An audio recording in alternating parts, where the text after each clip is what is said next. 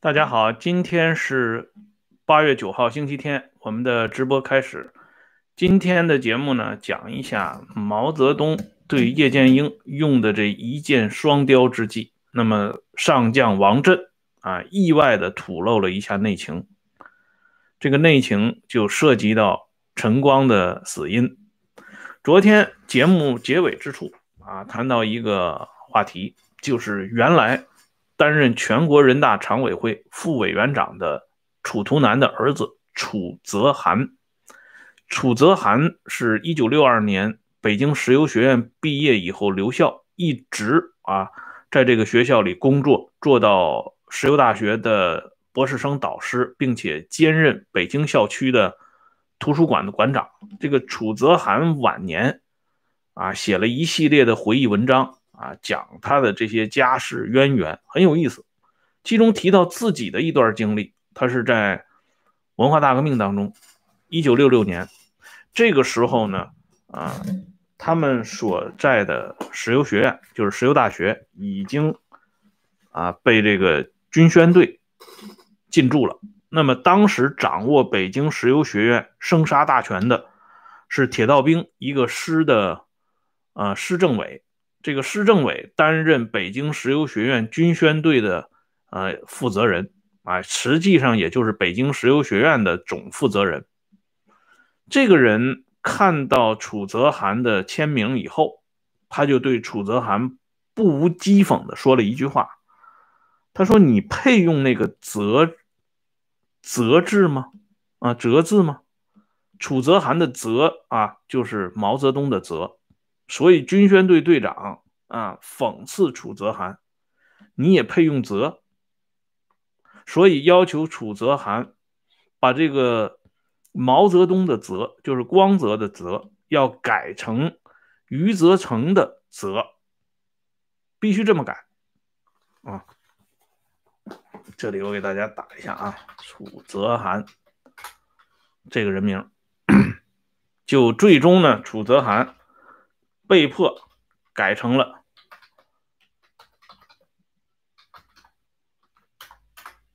楚泽涵，哎，不得不这么改了。所以后来楚泽涵在回忆文章当中，这是发表在二零一二年第四期的新文学史料上边，楚泽涵有一篇回忆文章。这篇回忆文章讲的啊，就是他的一个亲戚叫杨树达。这个杨树达这个人也是很有名气的一个学者。学者杨树达啊，在谈到一篇关于中国历史上这种忌讳的文章啊，避讳的文章，避讳皇帝的名字的文章里，说了这么一个非常有趣的故事。我们都知道，唐宋八大家之一有位著名的柳河东，柳宗元啊，柳宗元的弟弟。叫什么呢？叫柳宗玄。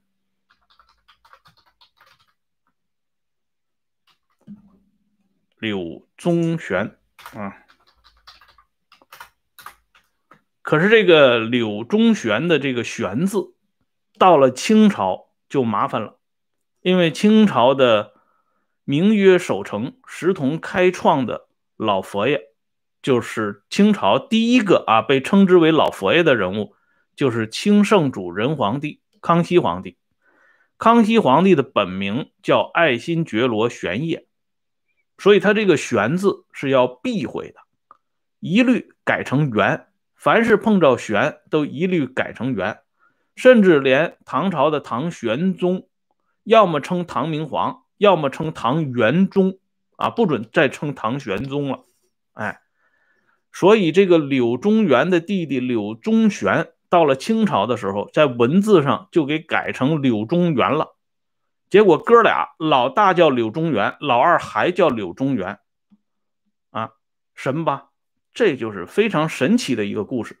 可是这个故事是发生在清朝啊，啊，发生在清朝乾隆年间的事情。然而到了一九六六年，这乾隆年间夏距公元一九六六年，大家算一下啊，这个。一差不多将两百年的时间了，这楚泽涵居然不准再叫这个泽治了啊，都一律改成余则成啊。不过这个也挺搭的啊，因为都是差不多都是余则成这个概念。不过这么改名还真的是啊，让楚哲汗终生难忘。所以从这个例子里边，我们就可以看到，领袖到底是一个什么概念啊？人家汪东兴汪主任搬走一把特殊的椅子，真的是小儿科呀！啊，你这个名字碰到领袖的名字都要回避的。所以在这种情况下，啊，陈光还是什么？毛刘周朱罗诸兄啊，这显然已经是大大的不合时宜了。那么这个大大不合时宜的陈光就必须被请出去。毛泽东很清楚啊，叶剑英在广东搞的这些事情，包括他和陈光之间的矛盾的实质是什么。但是陈光尽管是一个战功显赫。啊，曾经救过林彪的命，曾经为毛泽东啊辛辛苦苦打天下的一员猛将。然而，啊，到了兔死狗烹的时代的时候，这猛将没有任何作用。既然你没有用了，那留着你就是个祸害。所以，这样的人物，毛泽东必然要按组织程序把他处理一下。处理的结果就是交给中南局代理第一书记和中南军区代司令员以及中南行政委员会主席叶剑英来进行处置啊，随意由他们处置了。而且陈光去世的时间，大家看一下，他是在一九五四年六月七号。记住啊，一九五四年六月七号清晨，陈光。突然去世，陈光去世有诸多疑点啊，这个就不要说李作鹏这个不在现场的人，他在晚年的回忆录里边都提到，陈光死的太蹊跷了啊。当时啊上去以后，发现晨光二楼的门是紧锁的。大家呢用这个撬杠把这门撬开以后，发现晨光已经窒息死亡，然后呢浓烟滚滚，还伴有着火光啊！这样呢，大家就进行一系列的收拾。等到公安人员进驻以后，进行法医鉴定，最终得出的结论：陈光既不是他杀，也不是自尽，啊，完全是意外身亡。可是，陈光的去世最大的疑点，包括当时看押陈光的警卫人员，都留下口述资料。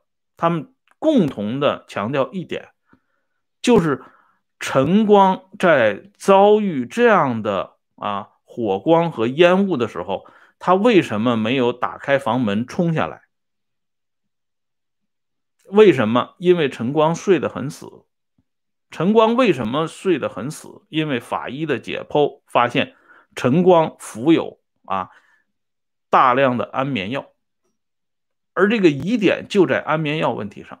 因为陈光他们这样的人呢，啊，每天入睡前都要服用一定数量的安眠药，这个一点不奇怪啊。高级干部嘛都有这个习惯，从刘少奇、邓小平、彭真他们都有这个习惯。问题在于陈光被羁押期间。他所服用的睡前服用的安眠药，到底服用几粒儿，都是有严格限制和规定的，而且在给他服用之前，都经过审查的，不可能啊，他自己一下子就搞到几十片甚至上百片因为陈光的被羁押和软禁，跟后来高岗的被羁押和软禁，还是有一定不同的。因为高岗可以跟自己的家属在一起，跟李立群他们在一起，甚至一开始第一次高岗自尽之前，高岗的配枪还没有被收缴。可是陈光，大家知道吗？陈光连裤腰带都没了。啊，谢谢陈先生啊，您又一次啊支持咱们这节目。一个连裤腰带都没有了的人，他怎么会有配枪？怎么会能够积攒过量的安眠药呢？这是不可能的，而且这个法医鉴定没说他是因为服用安眠药导致啊突然的这种去世，排排除这种自安眠药的量是非常适度的，让这个人昏睡不醒，但又不至于在睡梦中去世。那这个量是由谁来把握？又是谁送到陈光的手里，让陈光安然的服下呢？这是一个重要的谜团。更大的谜团是什么呢？更大的谜团就是今天我们要讲的毛泽东对叶剑英施行的一箭双雕之计。一九八二年，叶剑英说过一句名言。叶剑英手里拿着一本书啊，这本书我给大家看一眼啊。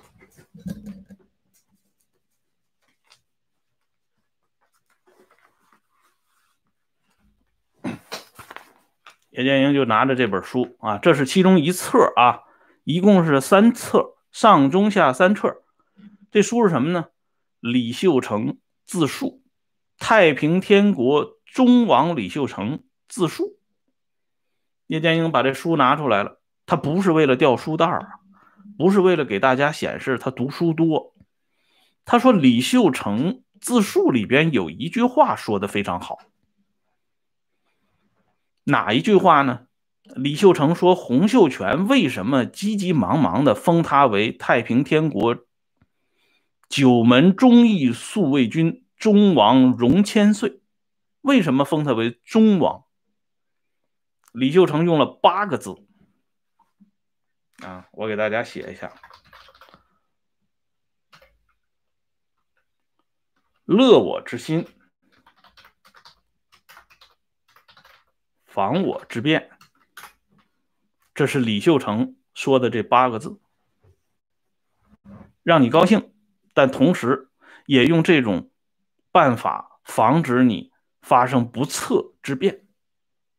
啊，这是统治者惯用的难面之术。叶剑英为什么提到这段话呢？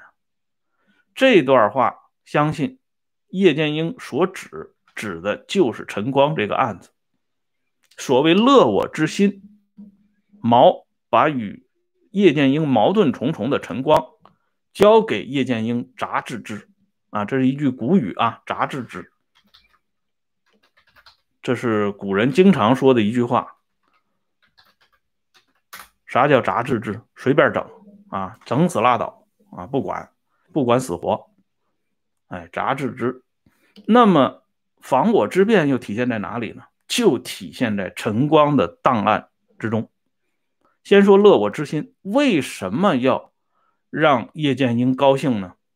因为前边反地方主义的时候，毛泽东说过一句话。一九五二年六月份的这次小型会议上，毛泽东说过：“，芳芳搞的这个地方主义跟建英同志无关，这里不涉及建英同志，但是包括建英同志在内。”都要吸取这方面的经验和教训。关键是后边这句话，包括建英同志在内，啊，这地方主义你没犯这个错误，可是不等于你不会犯。那么怎么办呢？先给你们打预防针儿别说将来言之不预，啊，这实际上已经就是警告。但是毛要借重叶剑英的地方太多了，把他调到北京之后，五三年年底，叶剑英仓皇入京，进到北京之后，惊魂甫定，毛马上就伸出橄榄枝，毛让汪东兴传话，说剑英同志对党和人民做出了很多重要的贡献，现在正是英雄用武之地。到了北京，就是英雄有用武之地了。为什么这么讲？因为一九五四年二月发生了著名的高饶事件，叶剑英在中共七届四中全会上对高饶反党联盟那进行了集中的炮轰。这段话啊，长篇大论，叶剑英年谱当中收录了部分内容，感兴趣的朋友可以去看一下。而后，叶剑英的表现更加不俗。这里我们看一下庐山会议实录为我们讲述了一个重要的细节：一九五九年八月三号，在中央小组会上，聂荣臻回忆叶剑英同彭德怀之间的谈话。因为七月三十呃七月三十一号，叶剑英和聂荣臻受毛的委托，专门找彭德怀谈话，要攻克彭德怀的心理防线。而叶剑英的谈话让聂荣臻非常难忘，所以在小组会上专门提了出来。他说：“剑英同志说，毛泽东同志健在的时候，你彭德怀就这样，将来党内谁管得了你？”啊，聂荣臻说，建英同志说的时候，都激动的掉了眼泪了。声泪俱下的叶剑英劝彭德怀缴械投降，啊，向毛泽东低头认错。可见，毛当初给叶剑英说的“英雄有用武之地”一点都没概括错。有用得着叶剑英的地方。自然要给叶剑英配置这么一粒顺气丸，这个顺气丸就是陈光。什么叫政治勾兑？这就是勾兑。哎，为了啊眼前的利益，那么很多人都是可以舍出去的。一九五四年舍出去的是陈光，一九六零年舍出去的是谭政。一九六五年舍出去的是罗瑞卿，一九六八年舍出去的是杨成武。那么到了一九七零年，对不起，为了老大的江山永固，那黄武、李秋外加林彪一家三口都要舍出去，就这么简单。所以陈光无非是先走一步而已。那么防我之变又体现在哪里呢？否则一箭双雕，咱们就不成立了。那就是陈光的档案。陈光的大儿子后来为了给老爹平反，到广州军区去专门查阅过陈光的档案。陈光的长子同别人说过这个话啊，这是他长子的口述。他说陈光的档案在广州军区被。保存的非常完好和完整，他甚至啊还看到他老爹当年写的每一次军事战役之后的关于战役的总结，字迹清晰秀丽工整。但是广州军区对陈光的儿子说：“这个材料你只能看，第一不准抄，第二不准复印，第三不准拍照。”只能用眼睛去看，能记住多少那就记住多少，记不住了对不起。档案管理这么严格，这已经是到了啊这个七十年代后期和八十年代初了。我给大家再提供另外一两个细节，一个细节就是陈光他在羁押期间，就是一九五零年十一月到一九五四年六月初这段时间里，陈光还留下了一部分手稿。啊，我给大家多次看过他这个手稿的影印件，这个手稿里的这些字迹非常工整，完全不像是一个啊得了所谓这个呃病的啊患病的人写的东西。所以，关于陈光有了病了啊，甚至是这这个精神层面的这些病之类的传闻，从他写的这些东西来看，似乎并不完整的成立。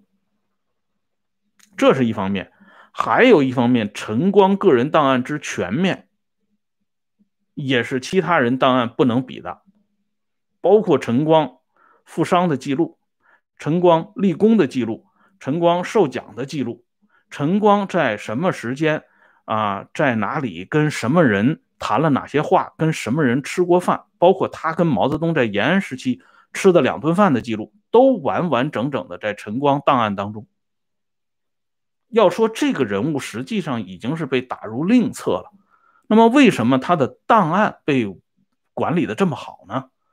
而专门负责管理陈光档案的人是谁呢？就是继陈光之后，担任广东军区主要负责人的黄永胜。这里呢，我给大家讲一个故事。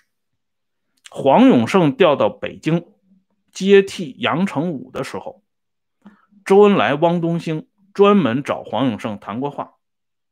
那三个人专门谈了一次话。周恩来、汪东兴找黄永胜谈话的主要内容之一，就是问黄永胜 关于陈光档案是不是保存完好啊？黄永胜说，这个任务一直完成的非常好。陈光的档案一直在广州军区，那么汪东兴就告诉黄永胜，这个档案还要继续找专人很好的保护下去。要说这个黄永胜调到北京担任总参谋长，那不是代总参谋长。毛泽东当时有话啊，吩咐就不要代了，直接当总参谋长，同时又后来又兼任军委办事处组长。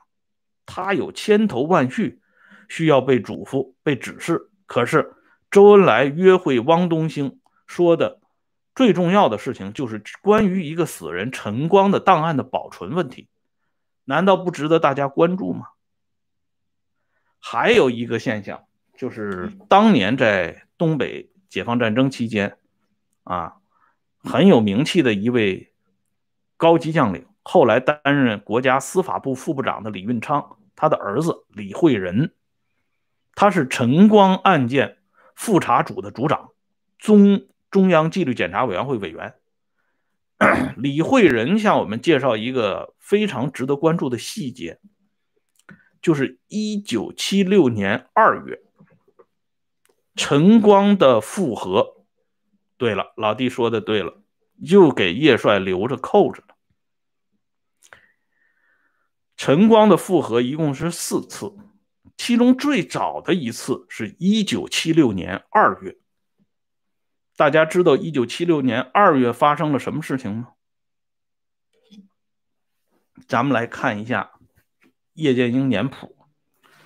一九七六年二月二号，中共中央发出一九七六年一号文件，通知全党：第一，经伟大领袖提议。中央政治局一致通过，由华国锋同志，啊，谢谢老弟啊，担任国务院代总理。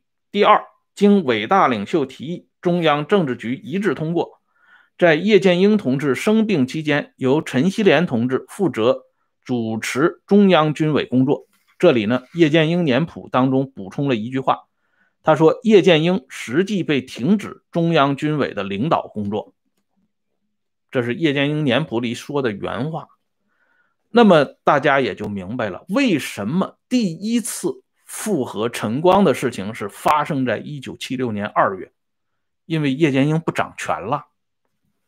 那么我们回过头来再看陈光的档案被完完整整的保存的这么好，那他的目的又在哪里呢？我相信咱们这个朋友们自然。会了解，那么明天呢，咱们找时间把这话呢说的更透彻一点。那么接下来咱们再说一下上将王震这老头子，他为什么一不留神说出了一句实话呢？这个事情要从王震的一个重要亲信郭小川，诗人郭小川说起。人有病天知否？这个作者叫陈独守啊，陈独守。为我们讲述了这么一个故事，就是当诗人郭小川在一九七六年十月十八号去世以后，王震得知自己的这个爱将秘书郭小川去世的消息的时候，愤愤不平，啊，掉了眼泪了，对郭小川的女儿郭岭梅说了这么一句话：“说你爸是被害死的，被人害死的。”他一遍遍的叙述。这个话说的是郭小川被害死的。那么接下来，王震啊曾经对人啊，这就不是对郭小川的女儿说的话了，曾经对人说过一句话：郭小川跟陈光都是被人害死的。王震为什么这么说呀？啊，他这么说造成的影响又是什么呢？咱们今天这节目就说到这里了，明天找机会啊，咱们接着聊这个话题。感谢朋友们上来收看，明天见啊！